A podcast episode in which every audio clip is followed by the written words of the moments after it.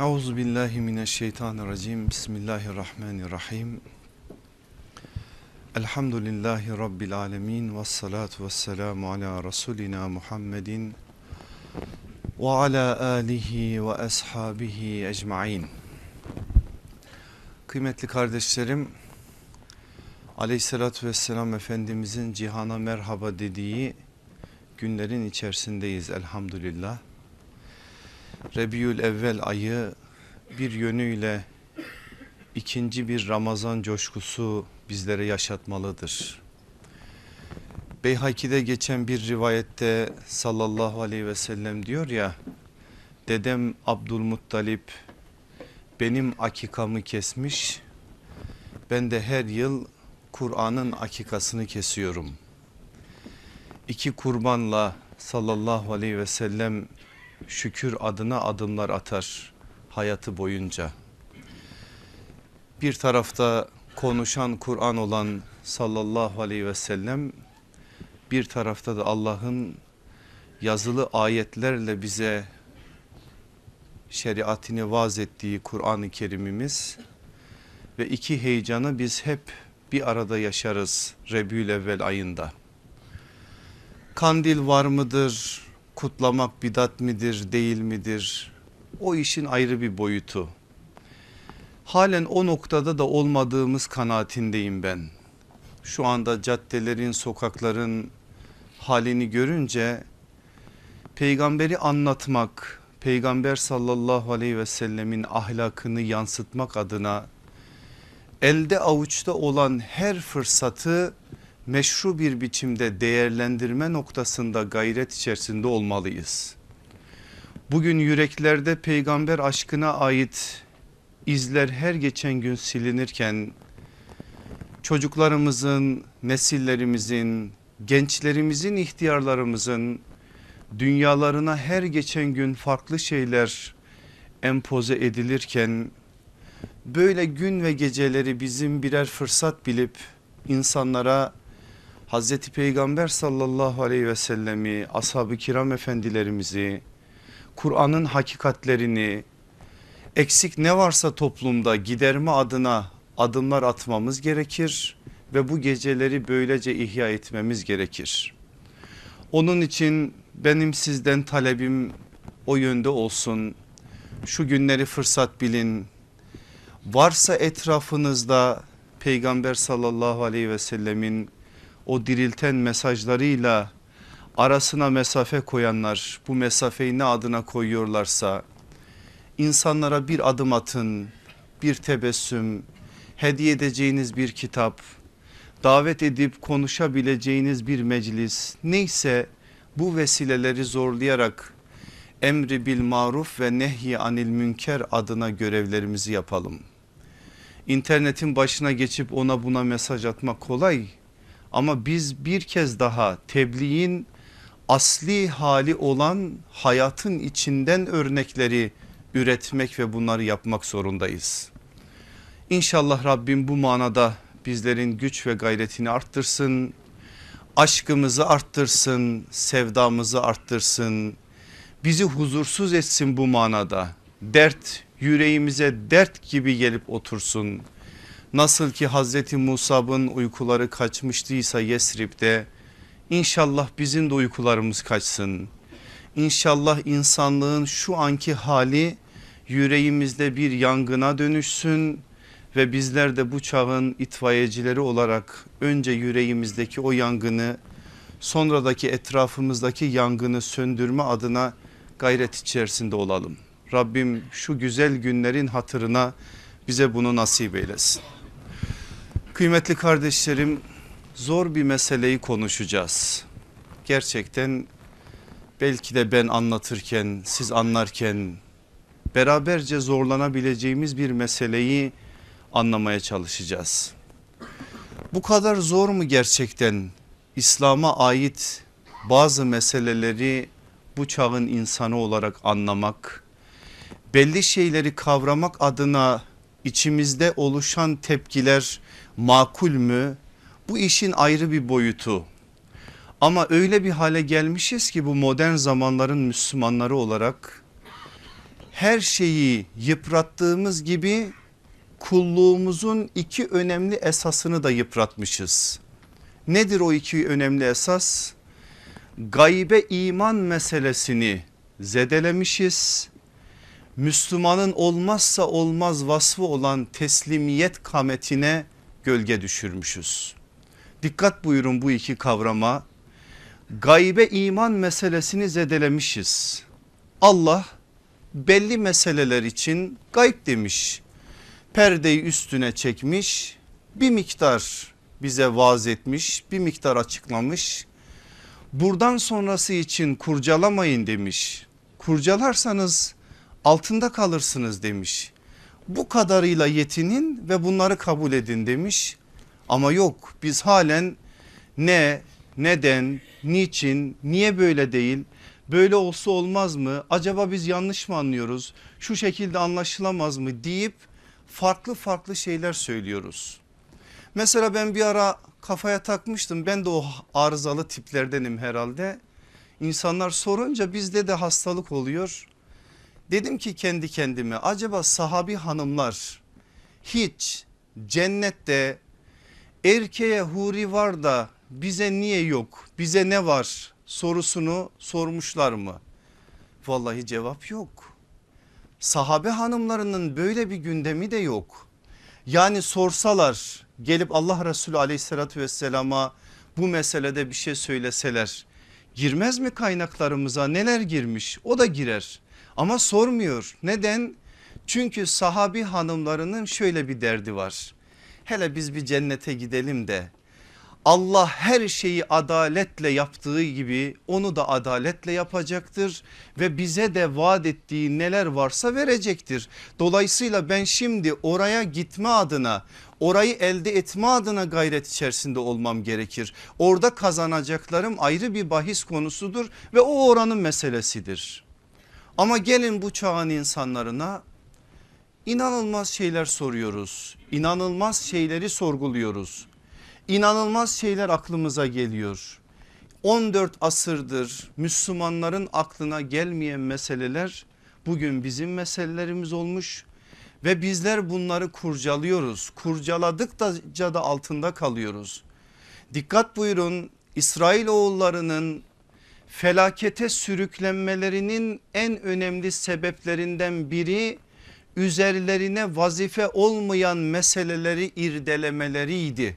Ve gelin şu anda ümmeti Muhammed'in durumuna üzerimize vazife olmayan meseleleri irdeleyen bir hale geldik.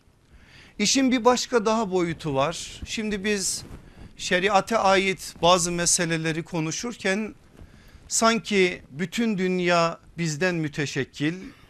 Hepimiz Nasrettin Hoca olmuşuz. Allah ondan razı olsun o büyük bir alim bize bir hikmet veriyor ama biz onun rolünü başka yerlerde kullanıyoruz. Ayağımızı bastığımız yeri dünyanın merkezi biz de dünyanın merkezinde oturan insan olarak kendimizi görüyoruz. Hoca Nasrettin böyle görüyordu biliyorsunuz. Bütün meselelere kendi dünyamızdan bakıyoruz. Kendi dünyamızdan bakarak meselelerin tamamını anlamaya çalışıyoruz. Ama dünya bizden müteşekkil değil ki. Şu anki dünyanın 7 milyarından bir ferdiz biz. Yaşadığımız zemin de 7 milyar insanın yaşadığı zeminden bir zemin. Ne biz dünyanın merkezindeyiz ne de dünya bizden müteşekkil. Ve şu anda film devam ediyor. İnsanlık tarihinin filmi devam ediyor. O film nereye varacak? 10 yıl sonra 50 yıl sonra 100 yıl sonra insanlık nelerle karşılaşacak? Ne gibi olaylarla insanlık muhatap olacak? Acaba erkeklerin sayısı artacak mı azalacak mı? Acaba şimdi anlamadığımız cariyelik meselesi 100 yıl sonra ortaya çıkacak bir meseleden dolayı insanların önüne açılacak bir kapı mı olacak bilmiyoruz. Hal böyleyken eğer biz kalkıp da kendimizin konumumuza uygun meseleleri konuşup dertlerimizi tartışacakken başka meseleler üzerinde mesai tüketip şu an için bize ameli anlamda değeri olmayan ve ameli anlamda bir sorumluluk katmayan birçok meseleyi, meseleyi irdeleyen kurcalayan bir hale geldik. Dolayısıyla eğer bir tedavi başlatacaksak başlatacağımız iki önemli alandır. Gaybe iman meselesini bir kez daha bir müminin dünyasında olabilecek şekilde anlayıp tesis etmek ve yine bir müminin dünyasında olacak şekliyle teslimiyet kametini bir kez daha korumak ve inşa etmek. Bakın aziz kardeşlerim bu söylediklerimin üzerinden sallallahu aleyhi ve sellemin şu sözüne bir kulak verin. Diyor ki Efendimiz aleyhissalatü vesselam benim söylediklerime hevalarını tabi kılmayan bütün arzularıyla teslim olmayan biri tam anlamıyla iman etmiş olamaz. Aleyhissalatü vesselam Efendimiz dilden çıkarıyor işi arzuya hevaya ulaştırıyor. Yani Resulullah sallallahu aleyhi ve sellem bir şey diyecek. Şuranda şüphe duymayacaksın şuranda. Buranda zaten duymazsın korkarsın millet duymasın diye. Buranda duymayacaksın. Ta yüreğinin bilmem kaçıncı kapalı kapısının ardından bile sadakallah ve sadaka Resulullah diyeceksin. Aslında Allah Resulü aleyhissalatü vesselamın burada söylediği Kur'an'da da söyleniyor.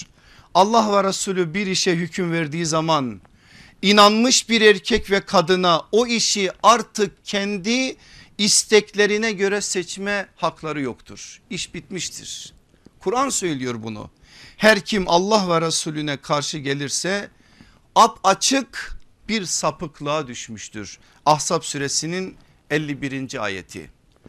Aralarında hüküm vermesi için Allah'a ve Resulüne davet edildiklerinde Kitabullah'a davet edildikleri değil Allah'a ve Resulüne davet edildiklerinde Allah'a davet edildiklerine de değil dikkat buyurun.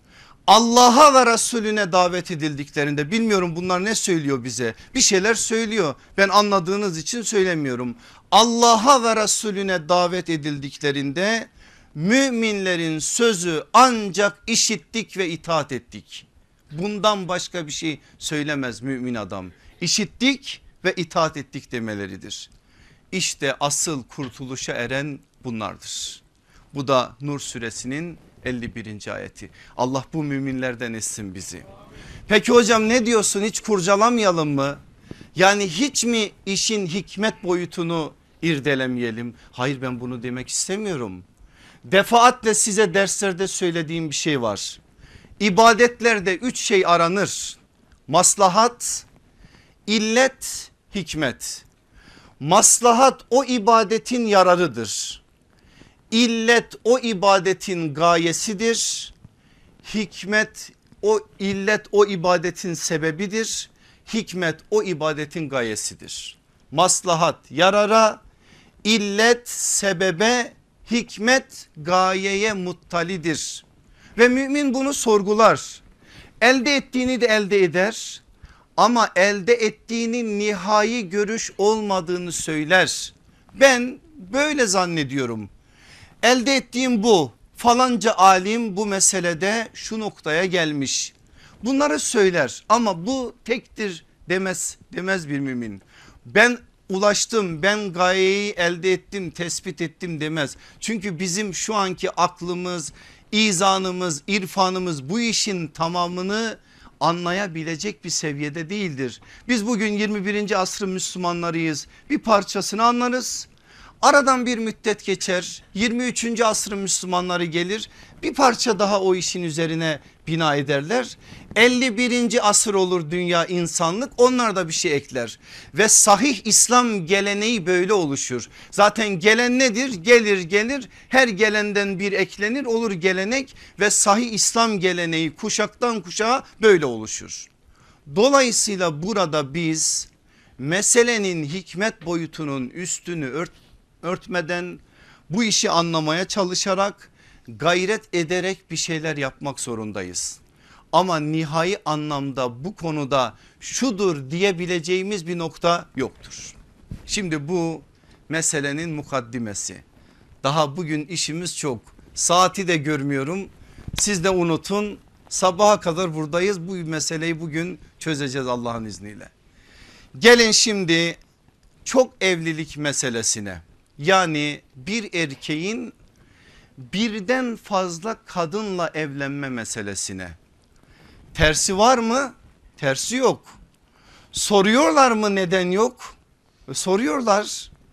Neden yok diye soranlara cevap veriyorlar mı hocalarımız? Veriyorlar. Peki verdikleri cevaplar karşı tarafı ikna ediyor mu? Etmiyor. Her soru başka bir soru başka bir cevapla geliyor. Diyorsun ki kadına bu erkeğe has kadına yok. Niye diyor kadın da evlenebilir. Diyorsun ki nesil karışır.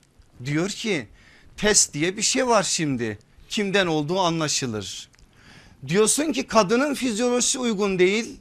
Diyor ki benim için uygun. Ne desen cevap var. Ne desen. Ne diyeceksin orada? Cevap belli aslında. Allah böyle dedi nokta. İster inan ister inanma. Yani sen Allah dedi sözünün ötesinde bir şey arıyorsan ben sana ne desem sen zaten arayacaksın. Onun için gereği yok artık ondan sonra meseleyi irdelemenin. Allah böyle vaaz etti ve bu işi böylece beyan etti. İş bitmiştir. İster inan ister inanma biz kimsenin kalbini zorla bu manada bir şeye ikna etmek zorunda değiliz ki.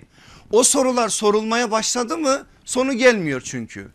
Bu meseleyi de bilerek şimdi çok evlilik meselesinin Kur'an'daki en önemli hükmü vaz eden ayetini beraberce okuyalım. Nisa suresinin 3. ayeti. Ve in khiftum alla tuksidu fil yetame fenkihu ma tabe lekum minen nisai musna ve sulasa ve ruba. Ve in khiftum alla ta'dilu fevahideten ev ma meleket eymanukum Zalike edna ella teulu. Ayet açık bir biçimde bize hükmü beyan ediyor. Eğer kendileriyle evlendiğiniz takdirde yetimlerin haklarına riayet edememekten korkarsanız beğendiğiniz veya size helal olan kadınlardan ikişer, üçer, dörder alın haksızlık yapmaktan korkarsanız bir tane alın yahut da sahip olduğunuz yani elinizin altındaki cariyelerle yetinin.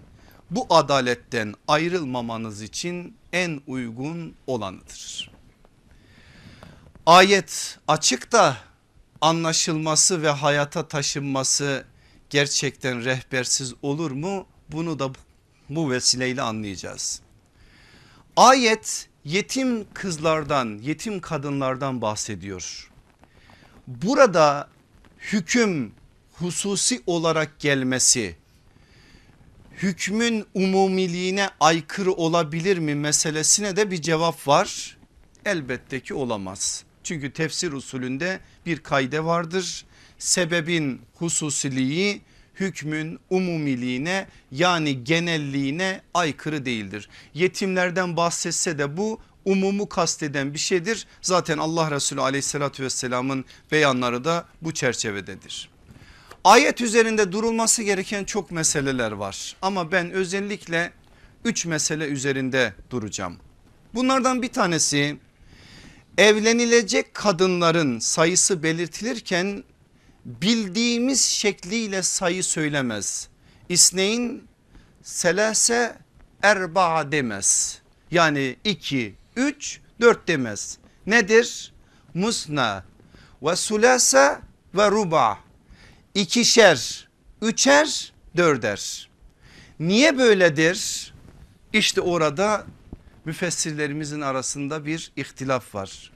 Şimdi kadınlarımız dört meselesine takılmıştılar ama bazı müfessirlere göre burada sayı farklı.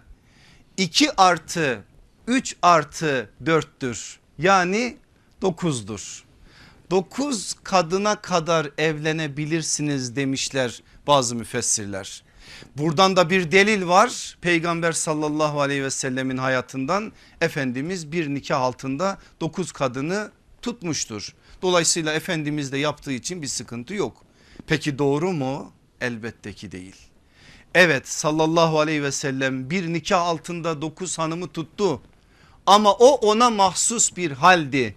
Başkaları belki o ayetin delil olarak getirilmesine dair aykırı şeyler söyleyebilirler ama birçok müfessirimize göre bu mesele Allah Resulüne mahsus bir haldi. Bunun delili de Ahzab suresinin 50. ayetidir. İkinci bir görüş o daha da işi ileriye götürür. Der ki burada ikişer ikişer, üçer üçer, dörder dörder söyleniyor. O halde 2 artı 2, 3 artı 3, 4 artı 4'tür. Yani bir erkek 18 tane hanımla evlenebilir derler. Buna da yine bazı dilsel deliller getirilir. Buradaki bu görüş sahiplerinin kim olduğunu fazlaca aktararak zihinlerinizi meşgul etmeyeyim ama Fahrettin Razi'nin ayetin tefsiri babında tefsirul kebirine baktığınız zaman çok daha detaylı bilgileri göreceksiniz. Üçüncü görüş şudur ki bizim kabul ettiğimiz de odur. Türkçe üzerinden örnek verelim daha iyi anlaşılsın. Bir avuç cevizi şuraya saçsak ve ben desem ki arkadaşlar ikişer ikişer ya da üçer üçer ya da dörder dörder alın desem ne yaparsınız? En fazla dört tane alırsınız. Dolayısıyla orada Arapçadaki kullanımdaki mana da böyledir. Söylenen şey dörtle sınırlandırılmasıdır. Ama bunu ben dilden bir delil getirerek çözerim. Karşı taraftaki insanda dilden bir delil getirerek benim bu iddiamı çürütebilir. O halde bize ikinci bir kaynak lazım. O nedir? O sallallahu aleyhi ve sellemin beyanıdır. Şimdi anlıyor musunuz Kur'an'la sünnet bütünlüğünü? Bazı arkadaşlar bu sözü duyunca elektrik çarpmışa dönüyor. Söz İmam Şafii'nin diye bilinir. İmam Şafii'nin dilinde var rahmetullahi aleyh ama ondan yıllarca önce İmam Evzai söylüyor o sözü. Sözün şeyi şudur. Der ki İmam Evzai sünnetin Kur'an'a ihtiyacı mı Kur'an'ın sünnete ihtiyacı mı fazladır?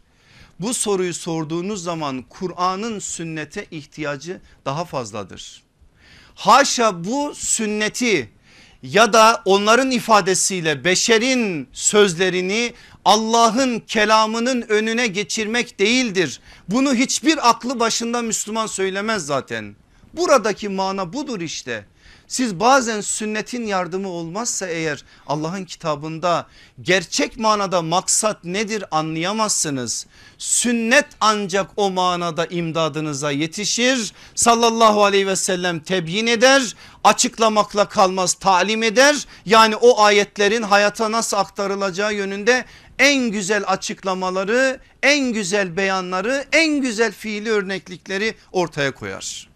Bakın İmam Şatibi ne diyor? Allah kendisinden ebeden razı olsun. Muvaffakat sahibi o büyük insan.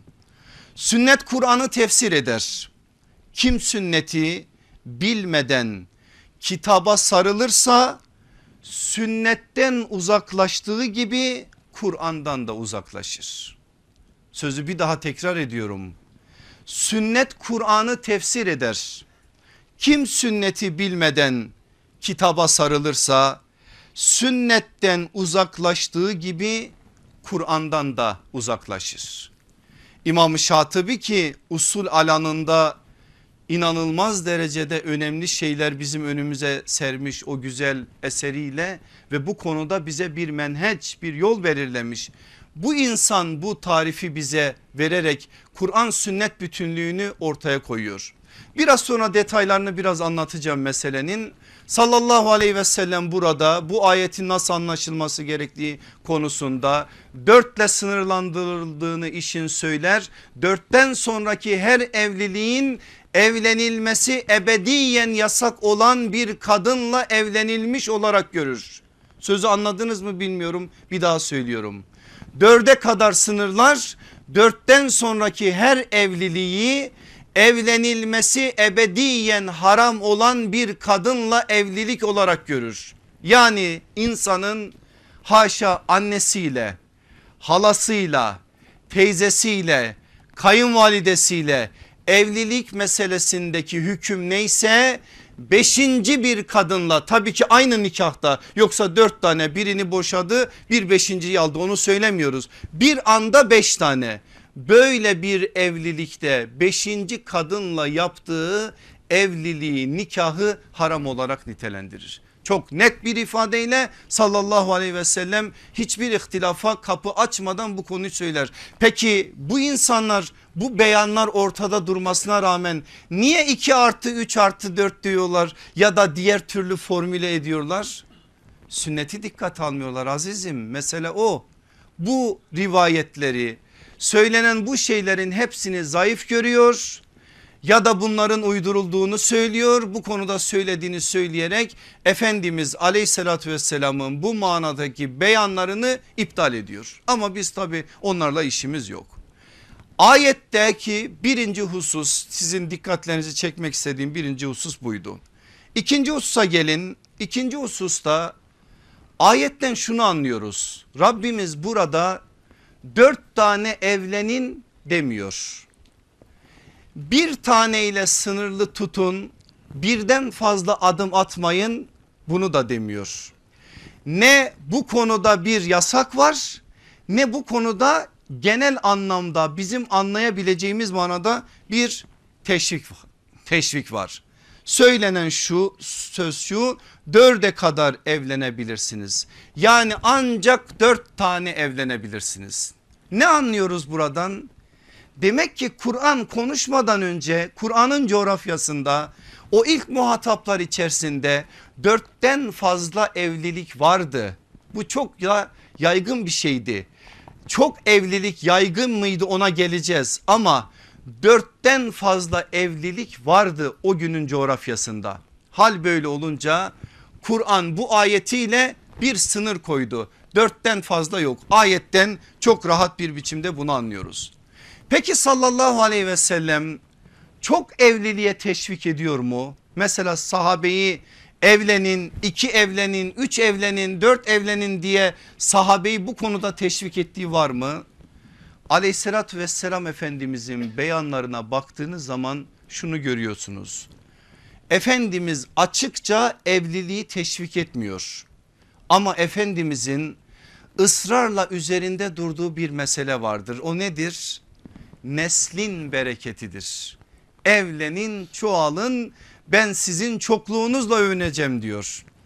E, evlilik meselesinde kadın sayısının artması çocuk sayısını da arttıracağı için sallallahu aleyhi ve sellem bunu bu manada söylüyor. Mesela bir hadis aktarayım size Ebu Davud'dan ve Nesai'den çok çocuk doğuran ve sevgisi çok olan kadınları nikahlayın. Zira ben kıyamet gününde diğer ümmetlere sizin çokluğunuzla övüneceğim. Zaten hadisten de anlaşılıyor Efendimiz aleyhissalatü vesselamın neden böyle söylediğini. Demek ki çok evlenmenin o günkü dünyadaki en önemli teşvik sebebi neslin bereketi. Peki başka sebepleri var mı çok evlilik meselesinin? Elbette ki var. Onlardan birkaçına da değinelim. Bir tanesi o günün dünyasında iletişimin en önemli vesilesinin evlilik olmasıdır. Bakın aziz kardeşlerim kabileler kendi içlerinde yaşıyor. Dış dünya ile alakadar olmaları oldukça sınırlıdır. Hal böyle olunca bir vesile lazım ki karşı tarafla bir münasebet kurulsun. Haberleşme meselesinde inanılmaz derecede sıkıntılar var. O sıkıntıların giderilmesi adına da evlilik en önemli vesile. Hal böyle olunca sallallahu aleyhi ve sellem kendi evliliklerini de bu sebepten dolayı ziyadeleştiriyor. Ziyadeleştiriyor. Sahabenin bazılarına da bu konuda teşvikte bulunuyor. Mesela Abdurrahman İbni Af'ı Kelp kabilesine gönderdiği zaman oranın kralının kızıyla evlenebilirsen evlen diyor. Abdurrahman İbni Af o gün evli. O evlilik üzerinden orayla bir bağ kurulacağı meselesinden dolayı böyle bir adım atıyor. Efendimiz aleyhissalatü vesselamın evliliklerine tekrardan dönersek Efendimiz 25 yaşında Hatice annemizle evleniyor. 25 yıl tek eşlidir sallallahu aleyhi ve sellem. Gençliğinin en zirve anlarında kendisinden 15 yaş büyük Hatice anamızla iki evlilik yapmış Hatice annemiz Efendimiz'den önce. Üç tane de çocuğu var böyle bir kadınla Efendimiz 25 yıl evliliğini devam ettiriyor. Sonra yine kendinden yaşça büyük Sevda annemizle evleniyor. O günlerde Ayşe annemizle nişanlanıyor. Tek bakire olarak evlendiği annemizdir Hazreti Ayşe annemiz.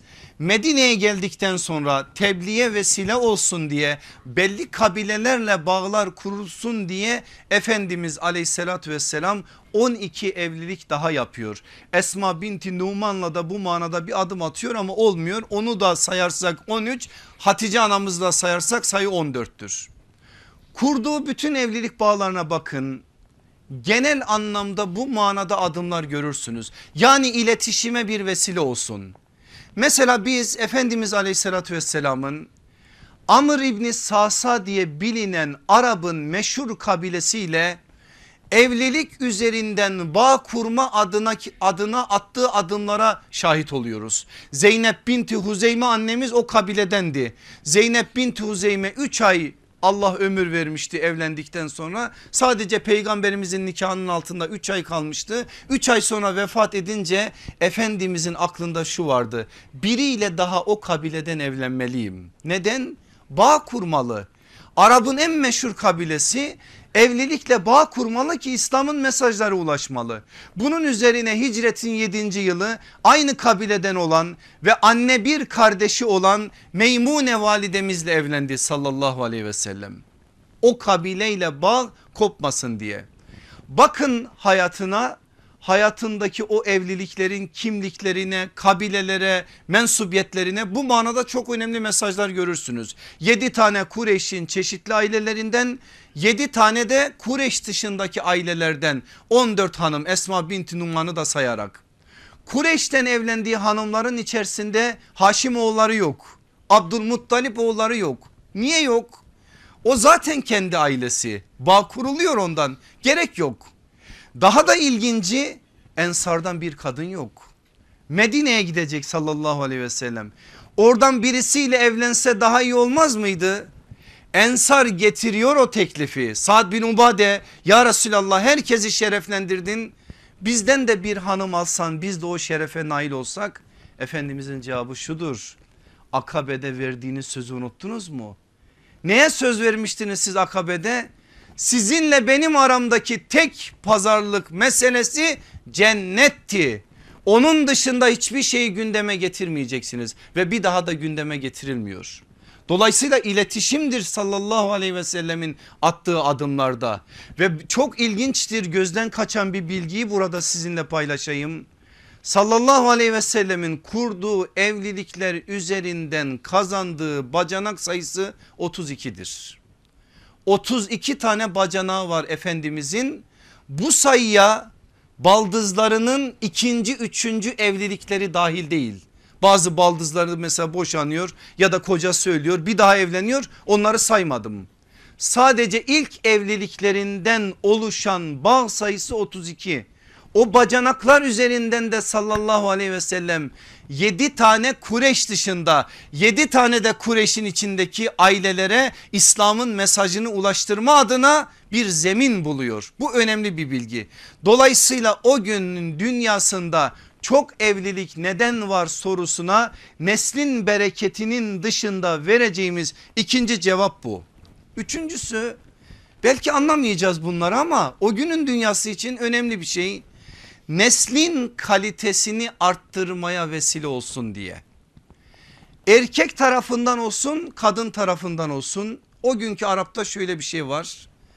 Diyor ki ben kızımı falanca aileye verim o aile iyidir o aileden çocukları olsun o aileden biriyle evlenince çocukları olsun o aileden çocuklar şöyle iyidir böyle iyidir bizim ailemize de o kan bir şekliyle sirayet etmiş olsun. Bakın mesela bizim İslam tarihinde Hazreti Hasan'ın selam olsun ona evlilikleri çok meşhurdur. Çok da fazla evlenmiştir. Hatta bir gün Hazreti Ali şunu demek zorunda kalmıştır. Hasan'a kız vermesin kimse. Çünkü alıyor boşuyor bir daha evleniyor. Ama Hazreti Hasan'ın suçu değil millet Hazreti Hasan'ın yakasını bırakmıyor. İnsanlar peygamberimiz sallallahu aleyhi ve selleme çok benzettikleri için Hazreti Hasan'ı ve ehli beytten olduğu için istiyorlar ki onların nesline de karışsın. Onun için bazı kaynaklarda 90 tane evlilik yapmış 100 tane evlilik yapmış diye rivayet var. Ben tespit edebildiğim kadarıyla 14 isim tespit edebildim. Yani 14 evlilik yaptığına dair rivayet daha doğru gibi geliyor. Belki biraz daha detaylandırılmalı. Ne yapıyor insanlar? Neslin kalitesi artsın. Aynı şey diğer tarafta da geçerli. Mesela Ebu Leheb peygamber sallallahu aleyhi ve sellemin kızlarına niye talip oldu? Peygamberimiz ahlaklı Hatice anamız belli böyle bir baba böyle bir ana onların kızları benim çocuklarımın hanımları olsun diye nübüvvetten önce geldi aday oldu onlara onları istedi. Dolayısıyla neslin kalitesini arttırma adına da burada bir şey var. Üçüncüsü sosyal ve siyasi bağları arttırmaya vesile olsun. Mesela Efendimiz aleyhissalatü vesselamın dedesi kim? Dedesi kim? Heh, uykularınız dağılsın. Onun babası kim? Haşim. Haşim'in Neccar oğullarıyla kurduğu bağ yıllar sonra peygamber sallallahu aleyhi ve selleme büyük bir imkana dönüşüyor. Bakın orada dedesinin babasının kurduğu evlilik bağı sallallahu aleyhi ve sellemin Yesrib'de Neccar oğullarıyla bağ kurmasına en büyük vesile oluyor. Yine Efendimizin beşinci dedesi Kusay Huzalılarla kurduğu evlilik bağı Kusay'ın Kabe'nin idaresini ele geçirmesi noktasında çok önemli bir vesile oluyor. Dolayısıyla sosyal ve siyasi bağları arttırmaya vesile olması. Dördüncüsü erkeğin ihtiyacının meşru bir şekilde karşılanmasına vesile olması. Bunu belki anlamakta zorlanabiliriz. Belki kadınlarımız bunu buna itiraz edebilirler ama böyle bir durum da söz konusu. Affınıza sığınarak bir şey söyleyeceğim. Allah şehvet dediğimiz o duyguyu her insana diğer duygularla duygular gibi eşit oranda vermeyebilir. O duygu insandan insana değişiklik arz edebilir. Nasıl ki insan içindeki duyguların oranı herkes için aynı eşit oranda olmadığı gibi şehvet için de aynı şey söz konusudur. Eğer bu manada potansiyel itibariyle fazla olan bir erkek varsa Allah bu konuda ona bir imkan açıyor ve bunu çok evlilik meselesinin önemli bir vesilesi olarak sebeplerinden biri olarak karşımızda duruyor. Bu da işin dördüncü beşinci boyutu. Altıncısı gönlünü bir erkeğin başka bir kadına kaptırması. Olur mu? Olur. Olmaması gerekir belki ama oldu. Ne olacak? Kadının evli bir kadının böyle bir duruma yeltenmesi binde bir ihtimalse erkek için bu yüzde birdir. Onun için yasa çok önceden konulmuş zinaya yaklaşmayın demiş. Varma oralara mayınlı arazilerde gezme. Gezersen eğer ayağın kayabilir gönlün kayabilir başına iş açarsın. Onun için mayınlı arazilerde gezme. Ama oldu ki bu manada sen bir şey yaparsan gönlünü kaptırırsan yanlış bir noktaya gelirsen bu işi nikahsız değil nikahlı yapacaksın diyor. Evet kadına zor mu? Zor. Büyük bir imtihan. Geçen ders analarımız başımızın tacı. Analarımızın bile birbirleriyle olan münasebetlerini az bir şey anladık. Şimdi bu kadar asır sonra bu meseleyi bir kadının itirazsız bir biçimde anlayabilmesi zor. Ama bunu farklı bir biçimde değerlendirirse nikahla ancak bu iş çözülmeli. Belki ben bugün bu dünyada yaşadığım şu zeminde zorlanacağım. El alem bana dil uzatacak şunu söyleyecek bunu söyleyecek ama ben kocamı yanlış şeylere sevk etmeyeceğim. yanlış yollara düşürmeyeceğim nikahsız bir hayat sürmesine asla zemin hazırlamayacağım diyebilecek bir adım atması adına burada bir mesaj var. Böyle bir adımı atarken kadın kocasından iz, koca kadından izin almak zorunda mıdır? Değildir. Ama gizli yapmak zorunda da değildir. İzin almaya gelse kimse izin vermez ama gizli de yapamaz. Çünkü o gizlilik de aile düzenini sarsan bir durum olarak karşımızda durduğu için o konuda da gerekli meselelerde itina göstermelidir. Bunu erkek penceresinden bakarak söyledik. Bir de kadın penceresinden bakalım o günün dünyasında. Mesela o günün dünyasında kadınlar ister bakire olsun ister dul olsun bir erkeğin evlilik akdinin altına girmelerini sosyal bir güvence olarak kabul ediyorlar. Bugün o yok ama o gün o var. Evlendi tamam sosyal güvencesi tamam onun için. Dolayısıyla evlilik akdinin o günün zemininde nasıl algılandığını çok iyi anlamamız gerekir ki özellikle o günün kadınlarının sıkıntı çekmeden bu meseleye adım attıklarını daha iyi anlayabilelim. İkincisi kadın dul kalmış babaya ya da veliye yük olmaktansa evlilik akti yaparak bir erkeğin ikinci, üçüncü, dördüncü kadını olmayı tercih ediyor. Eğer dul kadın çocukluysa çocuklarım sağda solda perişan olmasın. Evlenirken o evleneceğim erkekle şart koşarım çocuklarıma bakması noktasında ve böylelikle o sosyal zeminde çocuklarıma bir barınak bulurum adı altında adım atılıyor. Dolayısıyla kadınların dünyasından baktığımız zaman da sıkıntı yok. Şimdi daha meselelerimiz bitmedi geliyoruz asıl söyleyeceğimiz ayetten alacağımız üçüncü mesele şu. Nedir biliyor musunuz aziz kardeşlerim ayetin en önemli vurgusu? Adalet vurgusudur. Bu çok önemli bir vurgudur. Ne dedi Rabbimiz? Fe in khiftum ella ta'dilu fevahideten. Haksızlık yapmaktan, adaletsizlik yapmaktan korkarsanız bir hanım ile evlenin.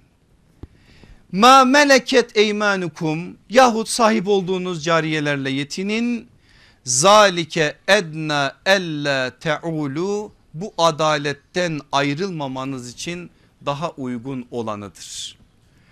Bu adalet meselesi o günkü insanların öyle bir hallerine hallere sebebiyet veriyor ki öyle bir hale düşmelerini bugün anlamadığımız için yanlış anlıyoruz. Bugün bir bilgiyi burada düzelteceğiz. Şimdi biz zannediyoruz ki asrı saadetteki bütün erkekler en az dört evli. Böyle bir bilgi yok. Şimdi geleceğiz.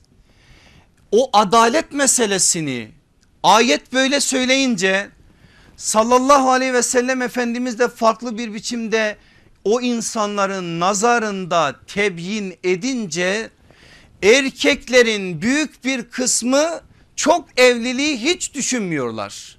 Bakın Efendimiz ne diyor? Sahabenin o söze karşı karşılığı nedir?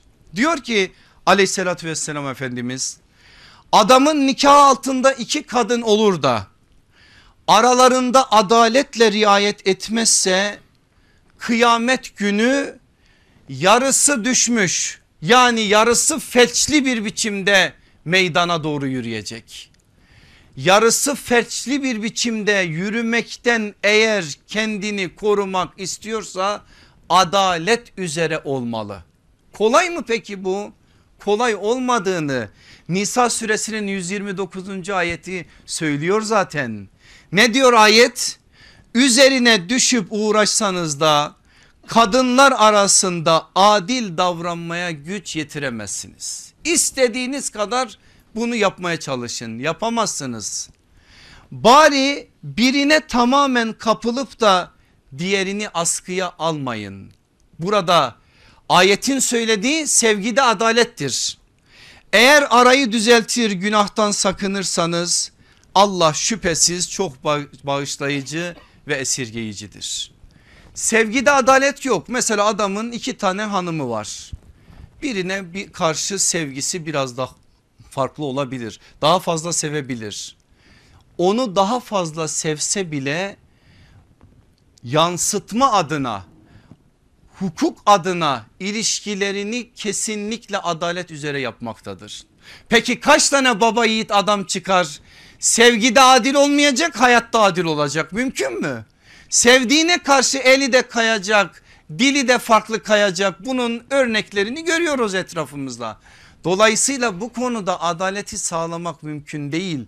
İşte bunu düşünen bu ızdırabın altında inleyen birisi adalet meselesini duyar duymaz illa vahideten sözüne ittiba edecek ve bir kadın bunun bile sor, mesuliyetini sorumluluğunu taşıyamıyorken ben nasıl 2-3 kadının mesuliyetini taşıyacağım noktasında kendisini değerlendirecektir.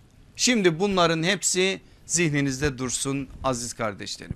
İki soru soralım. Cahiliye döneminde çok eşlilik yaygın mıydı? İkinci soru İslam döneminde bu yaygınlık aynı oranda devam etti mi? Soruya cevap vermeden de yeri gelmişken nicedir size söyleyeceğim. Şimdi geldi söz onun için bir şey söyleyeyim. Öyle bir zamanda yaşıyoruz ki Müslümanlar olarak kökleriyle, kaynaklarıyla, değerleriyle hesaplaşma noktasına getirdi birileri bizi.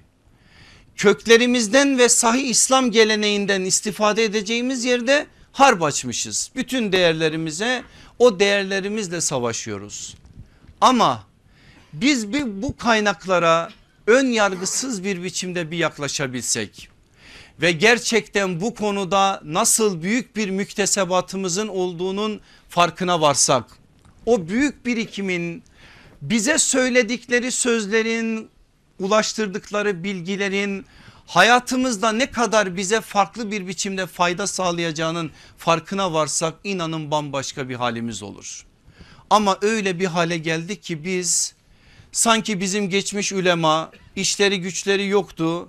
Sarayda tabak affedersiniz yalayıcılarıydılar. Otoriteye teslim oldular. Emevi ise Emevi, Abbasi ise Abbasi. Vardı oturdular saraylarında otorite ne dedilerse otoritenin dediğini yaptılar. Onlar da otoriteyi memnun olan bir din, mü, mü, mü, müdahil olan bir din değil. Farklı bir biçimde Allah'ın dininden ayrı bir din oluşturdular. Allah'tan korkar insan bunu söylerken. Bunu demek ne demek biliyor musunuz? 14 asır boyunca İslam sahih bir biçimde nesillere ulaşsın diye bütün insanların emeklerine el uzatmak demek. Bunu demek o kanları pahasına bu işi bize ulaştırma adına gayret içerisinde olan insanların hepsinin emeğini bir çırpıda silip süpürmek demektir. Allah aşkına bizim Kur'an bilgimiz İmam Bukhari'nin Kur'an bilgisi hangimizin Kur'an bilgisi daha fazla? Kaç tanemiz hareketsiz Kur'an'ı okuyabilir? Bırakın Kur'an'ı anlamayı hareketsiz Kur'an okuyacak adam yok içimizde. Kalkmış biz İmam Bukhari'nin Kur'an anlayışını sorguluyoruz. Allah'tan korkar insan. Dolayısıyla bu konuda bizim değerlerimiz inanın inanılmaz bir müktesebat. Sadece meselenin ensap boyutuna dikkat çekeceğim. Çünkü oradan bir yere getireceğim sizi. Nesep bilimi, soy bilimi diyorlar biliyorsunuz bugün. Ensap ilmi o kitaplar gerek direkt ensap adına yazılsın gerek tabakat adına yazılsın. İnanın başka bir medeniyette olmayan bir müktesebat bize sunar. Açtığınız zaman o kitapları hangi dönemi okuyorsanız o dönemi sanki bir fotoğraf gibi önünüze serer. Ve öyle şeyler söyler ki şaşırır kalırsınız. Sadece meseleyi bir şekliyle anlamanız için anlayabilmemiz için bir örnek olsun diye bu kitabı getirdim size. Bu kitap Ümmühatun Nebi isimli sallallahu aleyhi ve sellemin anneleri üzerine yazılmış bir kitap. İbni Habib'in kitabı Allah kendisinden ebeden razı olsun. Büyük bir alimimiz büyük bir insandır o. Onun Muhabbar kitabı başlı başına bir güzellik. Munammak kitabı başlı başına bir güzellik bir de böyle bir güzelliği var. Şimdi bu kitapta tek bir derdi var. Peygamber sallallahu aleyhi ve sellemin annelerini bize anlatıyor. Annelerini anlatan kitap böyle bir kitap. Peki nasıl anlatıyor annelerini? Sadece bir pasaj okuyacağım size. Meselenin boyutunu anlamamız açısından örnek olsun diye. Diyor ki Muhammedun sallallahu aleyhi ve sellem Ummuhu Amine binti Vehb İbni Abdümenaf İbni Zühre İbni Kilab Hazreti Amine'nin soy silsilesini verdi. Şimdi ne diyecek biliyor musunuz? Ve ummuha kimin anası? Amine'nin anası. Yani sallallahu aleyhi ve sellemin anneannesini verecek. Anneannesini söylüyor. Berre binti Abdul Uzza İbni Osman İbni Abduddar İbni Kusay. Şimdi ummuha anasını verecek. Kimin anasını verecek? Berre'nin anasını verecek. Yani Amine annemizin ötesinde anasını verdi. Şimdi de Amine annemizin anneannesini verecek. Diyecek ki ummuha Ümmü Habib binti Esed İbni Abdüluzza İbni Kusay. Şimdi de onun anne, anne, annesini verecek ve 21 nesil boyunca bize böyle bir soy verecek. Düşünebiliyor musunuz? Sadece Amine annemizi anlatırken onlarca isim hakkında bize bilgi verecek.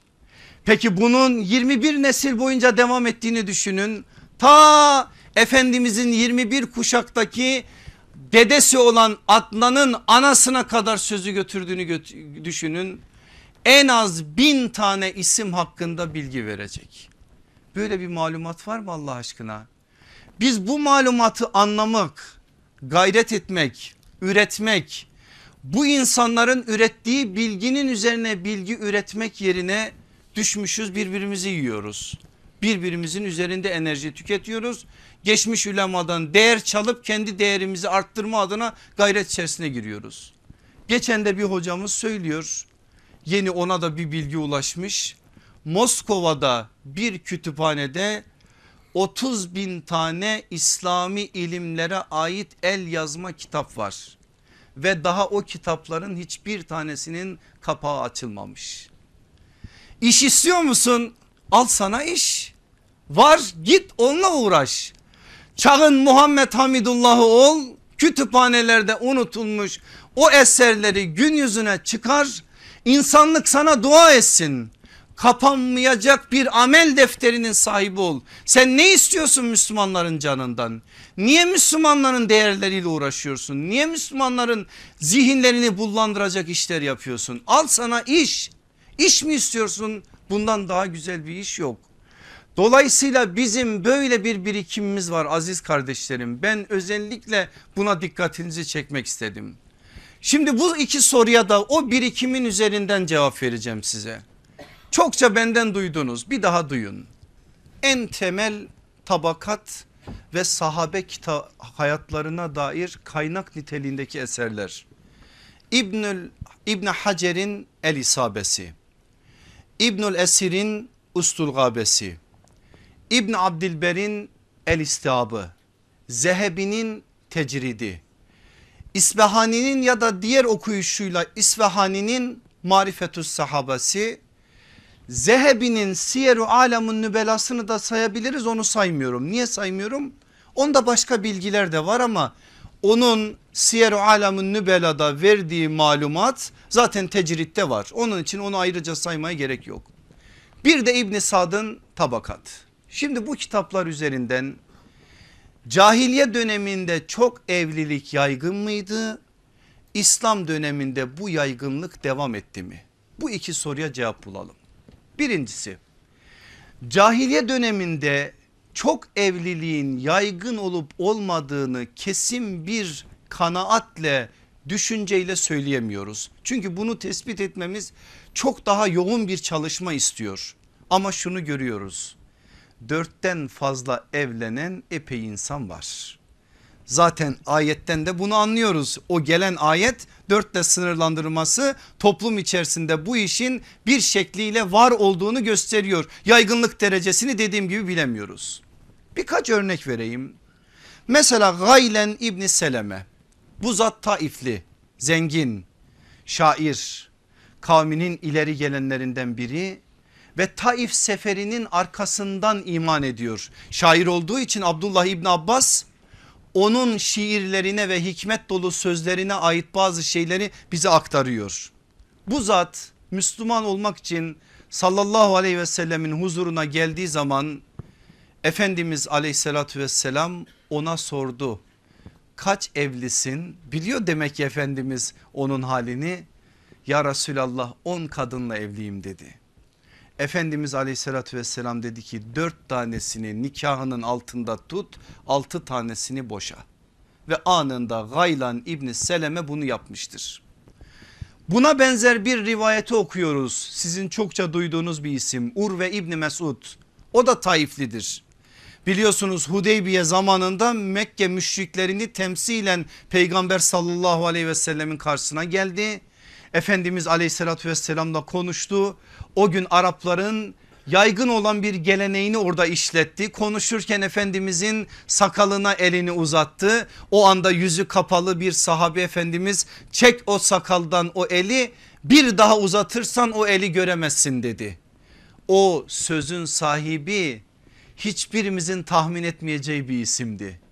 Hazreti Ebu Bekir ve Mughire İbni Şube'ydi.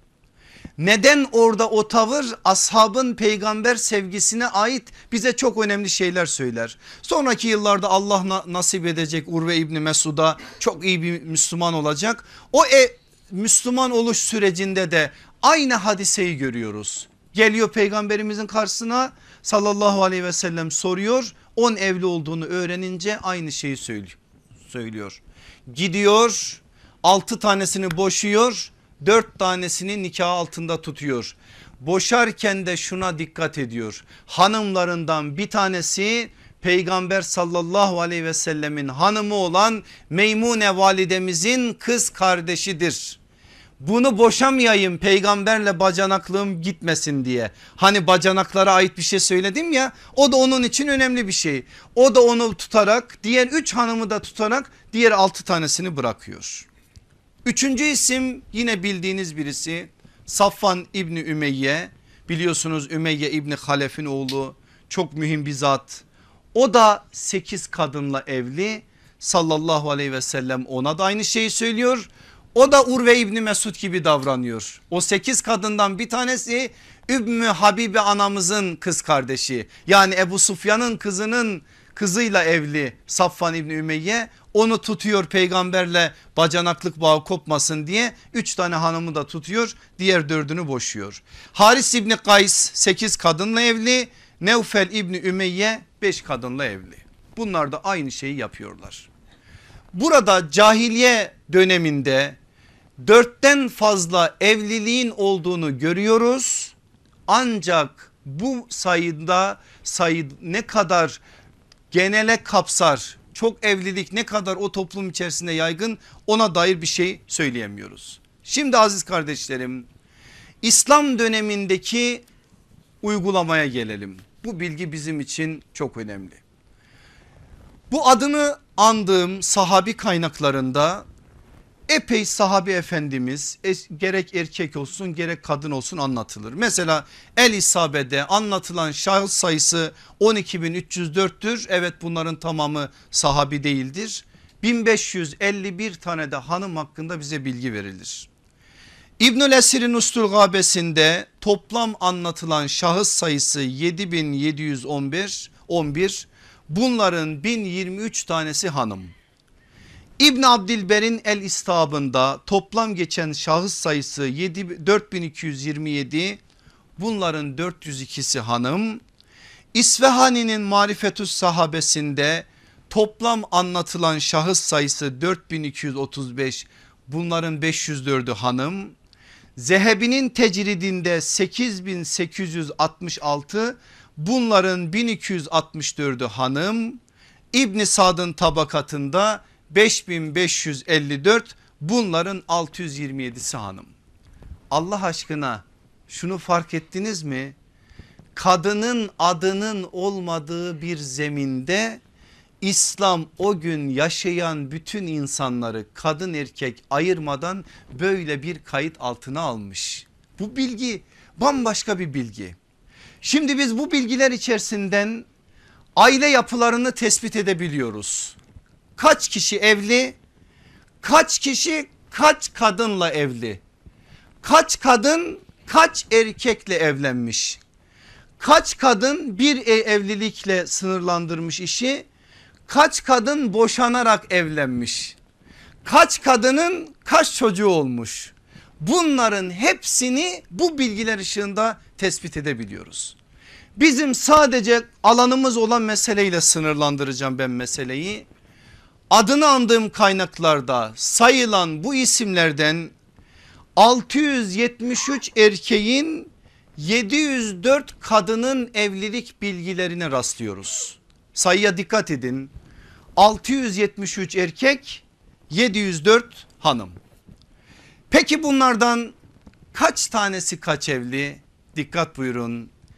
704 hanımdan 534'ü tek erkekle evli. İslam döneminden bahsediyorum size. Ve miladi 6. asırdan bahsediyorum.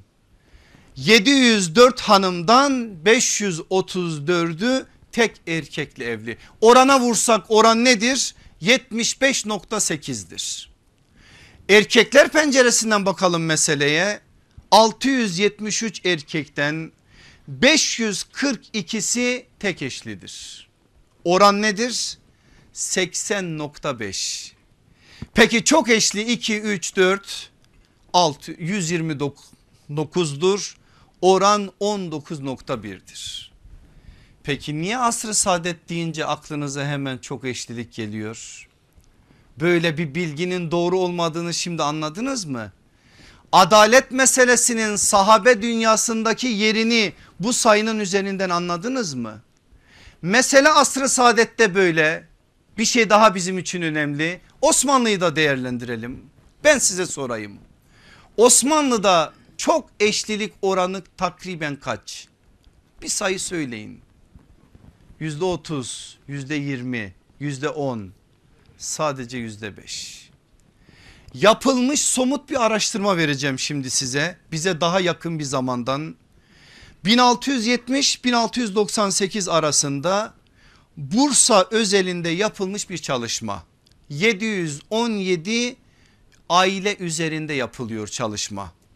658'i tek eşli oran 91.8 iki eşli olanlar 56 oran 7.8 3 eşli sadece bir kişi iki eşli de sadece iki kişi. Bursa özelinde de bu. Öyleyse eğer şimdi elimize alsak bir mikrofon sokağa çıksak sıradan bir insana sorsak desek ki arkadaş şeriat deyince ne anlıyorsun? Ne diyecek? 10 kişiden 8 kişinin diyeceğini söyleyeyim isterseniz test edin. 2 kişi belki demeyebilir ama 10 kişiden 8'i diyecek ki şeriat el kesmek şeriat çok kadınla evlenmek. O insanların suçu mu bizim suçumuz mu? Biz şeriatin Allah'ın sistemi olduğunu şimdiye kadar doğru bir biçimde bu insanlara anlattık mı anlatmadık mı sorgusunu burada kendimize sormak zorundayız. Şeriat İslam'ın hukuk sistemidir ve o sistem Allah sistemidir. O sistemin her parçasına kurban olunur. Allah en adil bir biçimde en ince ayrıntısına kadar o sistemi oluşturmuştur. Aileden ferde fertten topluma toplumdan devlete. E sen bunu anlatmamışsın. Şeriat deyince başka şeyler insanların zihnine birileri nakşetmiş. Sen de ona malzeme verecek işler yapmışsın. Elbette ki adam kalkacak da şeriatı kötü gösterecek ve aklına şeriat deyince başka şeyler gelecek. İşte aziz kardeşlerim çok eşlilik meselesi asr-ı saadetteki durumu bu bizim halimiz bu. Şimdi burada ben dört tane pencere açacağım.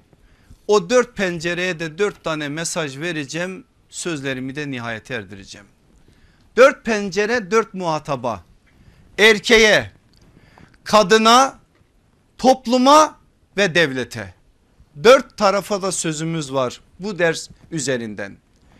Birinci söz erkeğe yani sizlere dikkat buyurun bakın ne söyleyeceğim size. Bir bu meseleyi alay konusu haline getirme. Suistimal etme. Kadının hassas olduğu bu konuyu ele ayağa düşürme ve vefayı hiçbir zaman hayatından çıkarma. İki erkek bir bakıyorsun yan yana geliyorlar 10 dakika sonra söz geldi bunun üzerine. Bir tane evlenmiş onun dört dörtlük hakkını ödemiş ona gerekli olan her şeyi yapmış şimdi beyefendi ikincisini konuşuyor. Gidiyor eve bir de bunu alay konusu olarak hanımına anlatıyor. Ve o hanım eğer cahil birisi ise eğer bu meselenin özünü bilmiyorsa ben helal melal tanımam diyor ayeti de hükmü de inkar edecek bir duruma geliyor. Kıymetli kardeşlerim elinizi ayağınızı öpeyim öyle yapmadığınızı biliyorum ama bir kez daha söylüyorum. Sizin şahsınızda sesimizi şu anda dinleyen herkese söylüyorum. Şeriatimizin hiçbir meselesi alay konusu olmaz. Olmamalı da hiçbir mesele. Mesela hocalar çok yer. Vallahi bu bile Allah'ı gadaplandıran bir şeydir. O makamın bir yeri vardır. Niye bu meseleyi alay konusu yapıyorsun? Hafızdan konu açılıyor. Hafızları anlatırken söz iki kelimeden sonra adamların göbeğine geliyor. E sende de var aynı şey. Niye sen kendine bakmıyorsun da falancalara dil uzatıyorsun? Çünkü o konuda hassasiyetlerimiz zayıflamış bizim. Burada bu meselenin alay konusu edilmeyeceğini bil. Hanımı kızdırmak için konuşuyorum. E konuş melekler de yazıyor. Hanım ne söylüyorsa onları yazıyor seninkini de yazıyor. Orada verirsin hesabını. Mesele alay konusu edilmeyecek kadar ciddi bir meseledir. Sebeplerini söyledik. İhtiyaç meselesi ayrı, ihtiyaç olmaz ayrı ama bu mesele alay konusu olmaz. Burada bir şey daha var. Suistimal etme. Anla sen ne olduğunu. Kadının hassas olduğu bu konuyu el ayağa düşürme. Bunu da anla ama şunu da anla. Vefayı hiçbir zaman hayatından çıkarma. Vefayı hayatından çıkarma. Senin peygamberin öyleydi. Öyleyse eğer sen bu manada gereken adımları at. Şimdi diyebilirsin söylüyorsun da işte diyorsun ki peygamberimiz de evlenmiş işte bu kadar hanımla niye biz evlenmeyelim? Tamam eyvallah senin peygamberin hiçbir sabah namazını evinde kılmadı. Var mısın o sünneti de yapmaya? Yap onu da yap. Onu yap onu söylemeye hakkın olsun. Ama bir şeyi geri bırakıp da işine geleni din adına öne sürersen belki birilerini kandırabilirsin ama Allah'ı kandıramazsın haşa. Bunları iyi bilelim ve bu vefa meselesini eşler arasında çok önemli bir mesele olarak zihninizde tutun. Nasıl tutun biliyor musunuz? Yola çıktınız. Hiçbir şeyin yoktu senin. O kadın sana gönlünü verdiği Allah adına namusunu ırzını sana emanet etti. Aradan bir müddet geçti cepler doldu paralar geldi şan şöhret makam mevki arabalar değişti evler değişti. E sıra neye geldi? Sıra ona geldi. İşte o noktada vefayı düşün. Bana o zamanlar el kol kanat geren o eşime karşı tavrım böyle mi olmalı noktasında düşün.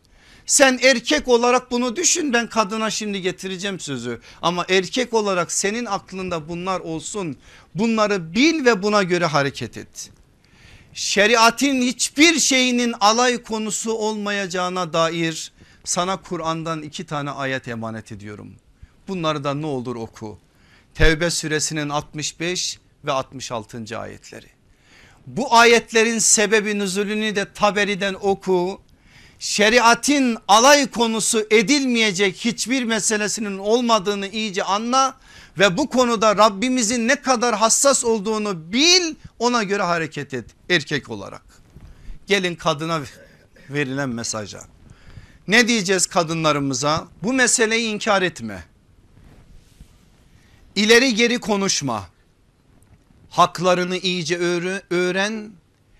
işin başında ipleri sıkı tut.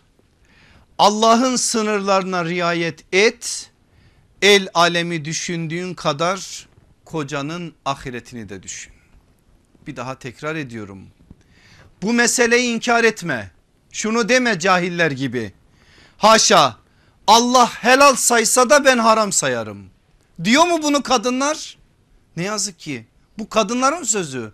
Allah helal saysa da ben haram sayarım diyor. Dünyayı ayağa kaldırarak eşini nikahsızlığa mahkum ediyor. Böyle bir duruma girmiş kadı erkek. Dünyayı ayağa kaldırıyor. El duymasın, el görmesin diye üstü kapanıyor meselenin.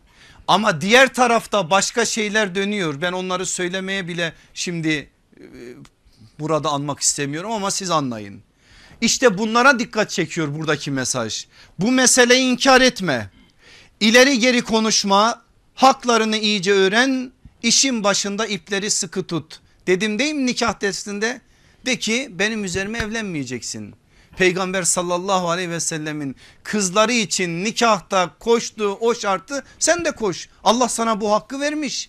Benim üzerime evlenmeyeceksin de bunu ve şart olarak koy ortaya. Allah'ın sınırlarına riayet et. El alemi düşündüğün kadar kocanın ahiretinde düşün. Ben hanımlarımıza şunu tavsiye ediyorum. Eğer böyle büyük bir imtihanla karşı karşıya kalmışlarsa eğer imtihanlarını Allah bu alandan vermişse onlara tavsiyem Tahrim suresinin ilk ayetlerini kendilerine nazil oluyormuş gibi okumalarıdır.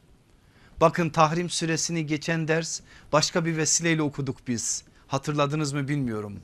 Sallallahu aleyhi ve sellem eşlerinin rızasını gözeterek Allah'ın helal kıldığını haram saydı ve ayetler indi.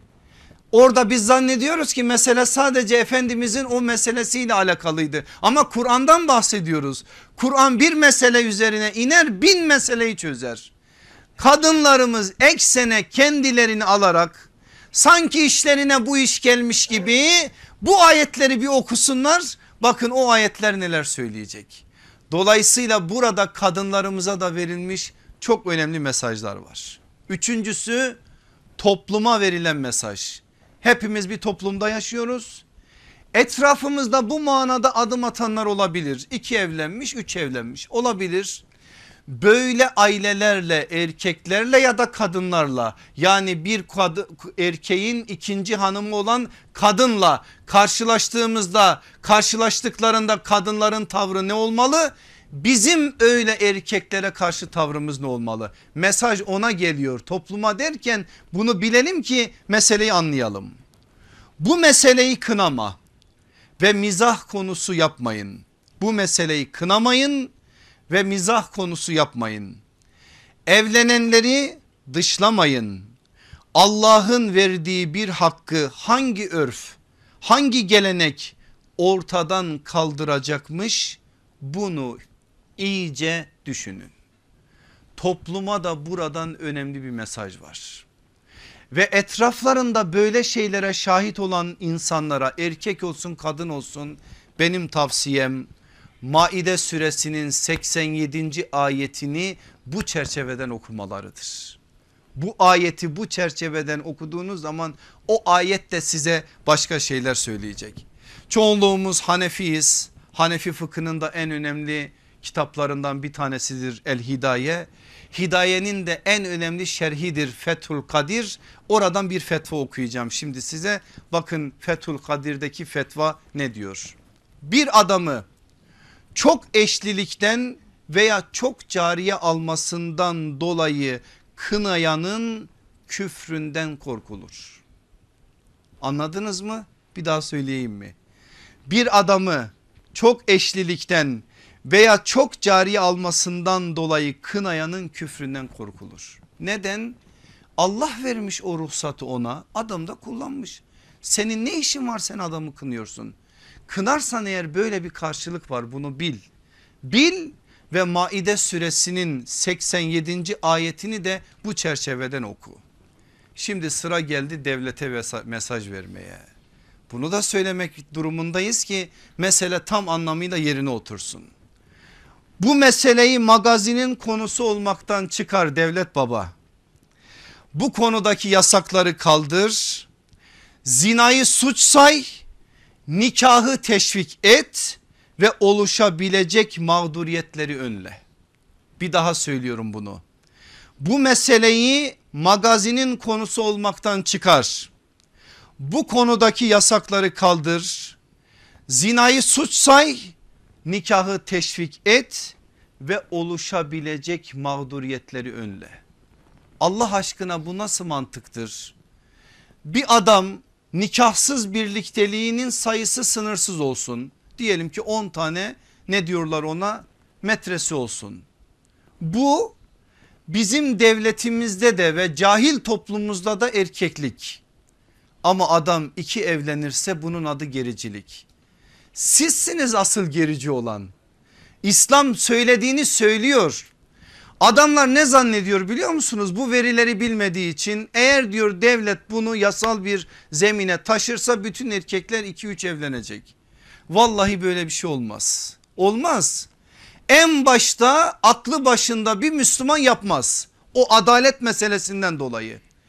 Ve bu işi suistimal edenlerin ise önleri kapanır. Bugün bu işi suistimal ettiği için yuvalar yıkılıyor. Aileler yıkılıyor ve nikahsızlık toplum içinde yaygınlaşıyor. Bu konuda çok ciddi sıkıntılar yaşanıyor. Nikahlar birbirine karışıyor, nesiller birbirine karışıyor. Çok tehlikeli bir noktaya doğru toplum gidiyor. Devlet bu manada önlem almalı. Zinayı suç saymayı saymalı. Nikah meselesinde Allah ne diyorsa onu kabul etmeli ve onun gereğini yapmalı. Bu konuda adımları atmalı ki toplum nezdinde de tarih nezdinde de sorumlu olmasın. Ben buradan devlet yetkililerine de şunu söylüyorum. Maide suresinin 44, 45, 47. ayetleri de sizin. Okuyun gereğini nasıl düşünürseniz düşünün. Allah'ın dediği bu artık size kalmış. Allah bizi hak karşısında konuşanlardan etmesin. Haksızlık karşısında susanlardan da etmesin. Allah bizi haklarını hukukunu koruyan hakları kendine doğru çeviren değil Allah nasıl belirlemişse peygamberi nasıl belirlemişse o ölçüde belirleyen ve gereğini de o ölçüde yapanlardan etsin. Hakkı hak bilip hakka ittiba etmeyi batılı da batıl olarak bilip ondan da içtinap etmeyi hepimize nasip eylesin. Velhamdülillahi Rabbil Alemin. El Fatiha.